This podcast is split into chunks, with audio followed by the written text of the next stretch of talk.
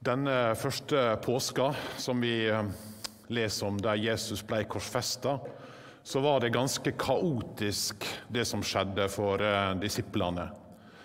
Eh, noen hadde hørt rykter, noen hadde møtt Jesus, noen var forvirra. To disipler var denne søndags formiddagen på vei fra Jerusalem til Emmaus. Det er ca. 11 km, tre timer å gå. Det er ganske varmt, og det er tungt å gå. Vi veit ikke mer enn navnet på den ene. Han heter Kleopas. Den andre veit vi ikke. Dette var ikke av de tolv disiplene, fordi Jesus hadde også ei gruppe, litt større gruppe av disipler på ca. 70 stykker. Og dette var to av dem. De går til Emmaus denne morgenen og er forvirra. De er lei, de er mismodige, de er trist. Og mens de går utover der disse tre timene, så kommer det en mann og går sammen med dem. De veit ikke hvem han er, men han spør dem hvorfor er dere så lei. Hvorfor er dere så nedfor? Hvorfor er dere så trist? Og De stoppa opp, og så så de bedrøva opp. Og han som het Kleopas, han svarte. Du må være den eneste tilreisende Jerusalem som ikke vet hva som er hendt der i disse dager. Hva da? spurte han. Det med Jesus fra Nasaret, svarte de. Han var en profet, mektig i ord og gjerning for Gud og hele folket. Men våre overprester og rådsherrer utleverte ham og fikk ham dømt til døden og korsfestet ham. Og vi som hadde håpet at det var han som skulle befri Israel. Dessuten, i dag er det all tredje dagen siden dette hendte. De hadde håpet at det skulle være annerledes nå. At Jesus skulle gripe inn, at Jesus skulle ordne opp, at han skulle befri Israel. At han skulle kaste ut romerne, Isteden er de mismodige. De er uten håp. De kjenner seg trøtte og lei. De kjenner seg alene i verden. Og kanskje er dette to disipler som nå tenker vi gir opp. Jesus er død. Vi går hjem igjen til byen der vi kom fra. Vi er ferdig med hele greia. Jeg tror jo vi kan kjenne oss igjen i disse følelsene av tristhet, av mismot, av å være lei og trøtt, kanskje særlig etter ett år med korona. Og heller ikke denne påska får vi feire i lag. Vi hadde jo håpt at det skulle være annerledes nå. Men ikke bare korona, sjølsagt. Vi går gjennom livet. Det ble ikke sånn som det vi hadde tenkt det. Vi kjenner på savn, vi kjenner på ensomhet. Vi kjenner på at ting er mislykka. Ting som vi hadde drømt om og håpt om, ble ikke sånn. Og i tillegg så møter vi sykdom, vi møter død. Vi vandrer gjennom verden og kjenner oss alene. Vi hadde håpt at det skulle være annerledes nå det var disse to Emmaus-vandrerne sine drømmer og lengsler, men de hadde gitt opp. Og det å være uten håp, det er vondt. På latin heter 'uten håp' det speratus. Speratus er jo håp, men det speratus det betyr å være uten håp. Og Det er der vi har fått vårt norske ord 'desperat'. Å være uten håp, det er å være desperat. Og det gjelder jo ikke bare i koronatider. Det gjelder livet som skuffer oss. En amerikansk forfatter som heter Thomas Wolff, han skriver en plass om hvordan han oppdaga at hele tilværelsen er ensomhet og tomhet. At vi er helt aleine her i denne verden. Og den fortvilelsen og den mørke som vi kjenner på, ja, det er vi aleine om å bære. Vi får ikke trøst fra noen, for der er jo ingen Gud, sier Thomas Wolff. Vi er overlatt til oss sjøl. Vi har ingen kunnskap utenom den kunnskapen som vi har i vår egen hjerne. Og så avslutter han sånn Det synes som om livet til slutt er ingenting, at vi er ruinert, fortapt og knust utenfor håp om gjenopprettelse. Den lyse, klare morgenen med håp om en ny begynnelse, den kommer aldri til jorden igjen, slik den gjorde i begynnelsen av tilværelsen. Vi må gjerne lage tegninger og skrive 'alt blir bra', men, sier Thomas Wolff, det blir ikke det. Fordi denne verden er uten håp. Det er ingen som kan hjelpe oss med å gjøre alt bra igjen. Og Jeg tror at disse to Emmaus-vandrerne på en måte hadde det sånn. De var nedtrykte, de var lei, de var slitne, de var fortvila. De hadde håpt at Jesus skulle befri Israel, at freden og rettferdigheten endelig skulle bli brakt til Israels folk gjennom Jesus. De hadde satsa alt på Jesus, og så virka det som om der er ikke noe håp. Alt er tapt. Og så forsto ikke de at noe langt større enn det de håpte på, hadde skjedd denne påska. Jeg sa på fredag når jeg talte, at korset, det som skjer i påska, er Guds mysterium. Det er Guds kraft. Noe viktigere, noe overveldende står på spill denne påska. Gud gjør noe helt spesielt.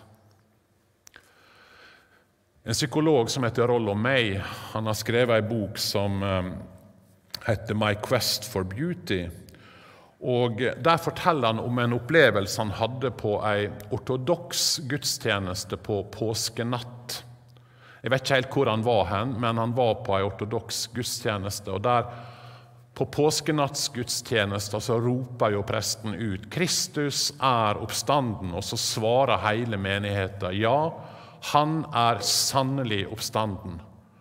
Og så var det som det ordet sannelig slo inn i Rollo May, og han tenkte ja, hva ville det bety hvis han virkelig, sannelig, er stått opp?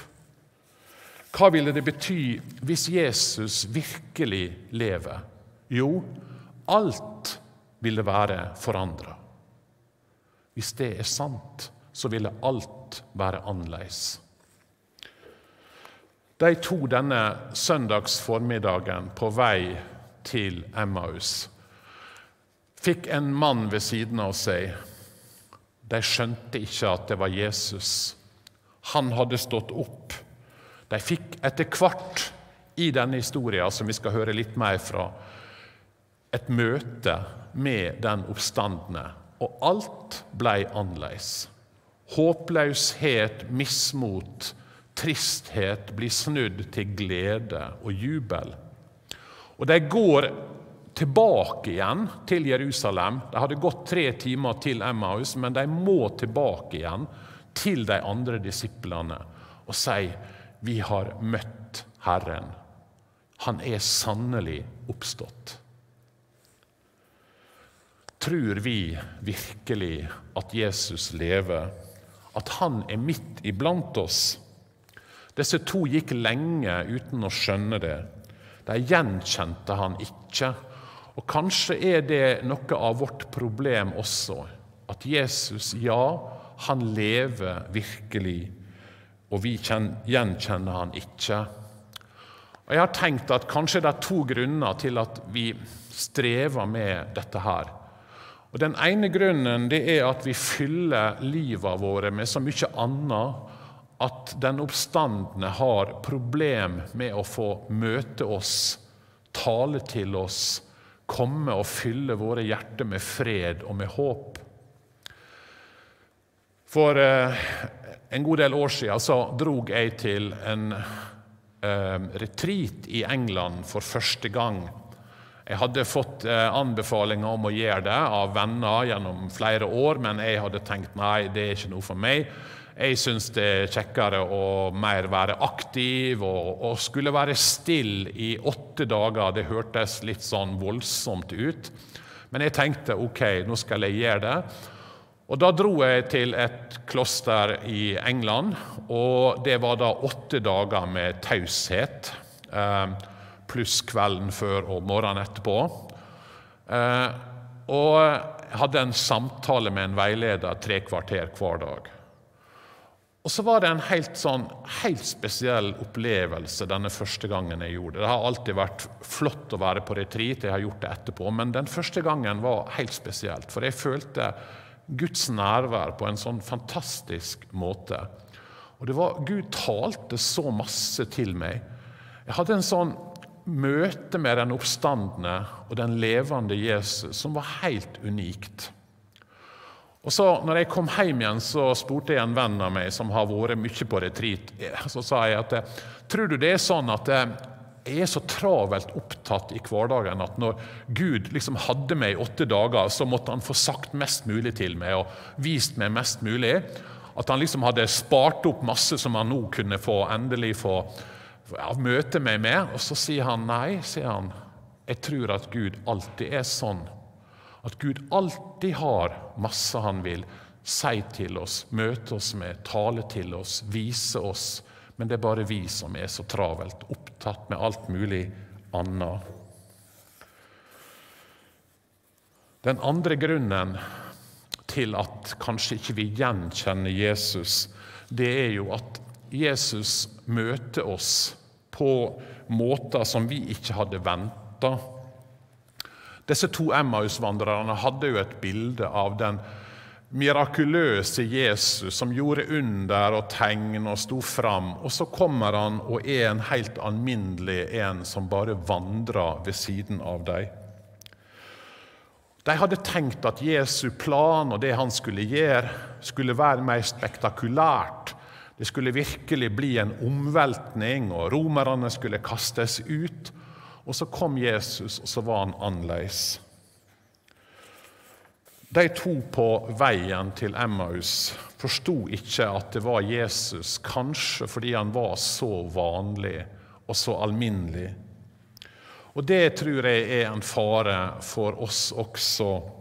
At vi helst skulle hatt en engel som kom her i Trondheim frikirke og ropte ut 'Jesus lever'. Wow, da hadde vi trodd det. Eller vi skulle hatt et syn fra himmelen eller noe overnaturlig, i alle fall. Og så kommer Jesus til oss i det helt enkle, i det helt vanlige. Hvordan oppdaga Emmaus-vandrerne at det var Jesus? Ja, Når vi leser videre, så hører vi de nærmet seg nå den landsbyen de skulle til, og han lot som om han ville dra videre. Men de ba ham inntrengende, bli hos oss, det lir mot kveld, og dagen heller. Da gikk han inn, da han, gikk han med inn og ble hos dem. Og mens han satt til bords med dem, tok han brødet, ba takkebønnen, brøt det og ga dem. Da ble øynene deres åpnet, så de kjente han igjen. Men han ble usynlig for dem. De sa til hverandre:" Brant ikke hjertet i oss da han talte til oss på veien og åpnet Skriftene for oss? Jesus bryter brødet, og noe skjer. Øynene deres blir åpne. Jesus åpner ordet, Guds ord, for dem på veien, og de kjenner noe skjer. Hjertet brenner. Og så er det sånn med Jesus at han kommer i det helt vanlige, alminnelige. Han kommer i nattverden med litt brød og litt vin. Han kommer i ordet når vi er samla i hans navn, og vi leser hans ord, og vi hører det forkynt. Så kommer Jesus deg i møte for å sette ditt hjerte i brann og for å åpne dine øyne, så du kan si ja, han lever faktisk. Han er virkelig oppstått. Vi kan ikke presse fram tru og glede og håp. Det skjer når Jesus kommer og åpner øynene våre, og setter hjertene våre i brann. Luther Jeg har nevnt han før, og jeg har nevnt forklaringa hans til den tredje trosartikkelen om trua, om Den hellige ånd. For Der sier Luther i sin lille katekisme, når han skal forklare dette med Den hellige ånd, og det med å tro og høre Jesus til, så sier han jeg tror at jeg ikke av egen fornuft eller kraft kan tro på Jesus Kristus, min Herre, eller komme til ham. Og Jeg har sagt det før, det er en helt utrolig setning som kommer her. Han sier jeg tror at jeg ikke kan tru. Det er det Luther sier. Jeg tror at jeg ikke kan tru av meg sjøl min egen fornuft, min egen kraft, med å ta meg sammen eller gjøre et eller annet. Nei. Men så fortsetter han. Men Den hellige ånd har kalt meg ved evangeliet, opplyst meg ved sine gaver, helliggjort meg og oppholdt meg i den sanne tro. Det er når Jesus kommer oss i møte, og det gjør han gjennom sitt ord og sine sakrament, så kommer han oss i møte, og så kaller han oss ved evangeliet. Og så opplyser han med sitt lys, så vi ser det er han. Han lever faktisk. Han er midt iblant oss. Jeg snakka om dette når jeg hadde to bibeltimer i høst. og Da siterte jeg en, en kjent svensk biskop som heter Bo Gjerts. Og Han sier at det, det er karakteristisk for vår lutherske kirke at den er overbevist om at Guds ånd virker gjennom slike ytre midler, og ikke gjennom syner, åpenbaringer og indre følelser. Selv nå kommer han i en ytre ringedrakt, men i disse uanselige midler bor himmelens rike med hele sin kraft. Spør vi hvorfor Gud har valgt så uanselige midler, så blir svaret den virkelige tro gagne, mer hindres enn gagnes av det oppsiktsvekkende og mirakuløse. Det er nemlig ikke slike ting vi skal grunne vår tro på, men på møte med den Gud vi som vi stifter bekjentskap med når Han får virke anger og tro i våre hjerter. Det gjør Han gjennom nådemidlene. Det er som om Bo Gjert sier, det er flott med syner. Det er flott med åpenbaringer, og gjerne mer av det. Men ikke bygg trua di på det, fordi følelsene er flyktige. Hvis jeg skulle ha bygd min tru på følelser, ja, da hadde det vært ei svak tru. Hvis jeg skulle ha bygd den på ekstraordinære opplevelser eller erfaringer, så ville det være ei vaklende tru. Der jeg hele tida lurte på tror jeg virkelig nå, for jeg har jo ikke opplevd noe på flere måneder. Tror jeg virkelig på Gud når jeg ikke ser store ting skje, eller jeg opplever mirakel? Nei, sier han. Ordet, Guds ord, det står fast. Og når Jesus åpner Skriftene for disse to trøtte vandrerne og slitne vandrerne på veien til Emmaus, så skjedde det noe. Det brant i hjertet deres. Og når Jesus brøt brødet, så så de det er Han. Det er Han som er her. Han er den levende. Vi hadde håpt, sa Emmausvandrerne. De hadde sine håp, de hadde sine forventninger til Jesus, og de forsto ikke at det de håpte på, skulle skje. Det var ikke det Gud hadde tenkt. Gud hadde helt andre tanker denne påska enn det de hadde. Gud gjorde større ting enn de hadde håpt på. Det var bare det at det var på en annen måte, på en nyskapende og totalt annerledes måte som de ikke hadde drømt om, nesten. Hva håper du på? De fleste av oss går jo rundt og håper på gode ting i livet våre, for de vi er glad i. Vi håper på ei bedre helse. Vi håper at pandemien skal ta slutt. Vi håper det skal gå bra for barna våre, for barnebarna våre. Og det er, fi, det er fine og gode ting. Men når vi går gjennom livet, så vil vi, som Emmaus-vandrerne, møte skuffelser og tap og sorg og tristhet. Og alt blir ikke bra. Alt blir ikke sånn som vi hadde håpt. Og Spørsmålet vårt denne første påskedag er jo hva bygger vi vårt ultimate håp på? Hva bygger vi vårt endelige håp på? Og Påskemorgen den utfordrer oss til å sette vårt håp til Jesus Kristus. Til å la Han forbli din Herre og din Frelser. Når Han forblir det, så er det djupest sett ingenting som kan ta fra oss det håpet. Ingenting som kan rokke ved det fundamentet. Ikke noe makt, ikke noe kraft, ikke døden, ikke det vonde. Ikke noe av de mange skuffelsene som livet har bytt på for deg, og som det kommer til å by på for deg og meg. Psykologen Rollo May sa hvis Jesus virkelig lever, ja, da ville det forandre alt. Da ville alt være annerledes slik vi synger i en gammel bedussang. Min framtidsdag er lys og lang, den rekker bakom tidens tvang. Der Gud og lammet selv jeg ser, og ingen nød skal være mer. God påske med et levende håp, fordi Jesus Kristus har stått opp fra de døde og seira over døden og vondskapen og alle mørkets krefter. Med det håpet kan vi leve. Jesus, vi takker deg for at du sto opp igjen, at du seira, og at du er her i dag. Og jeg ber at du skal skape brennende hjerte hos oss. At du møter oss gjennom ditt ord. Tale til oss. Vi ser at du er den levende, oppstandende, evige Frelser og Herre.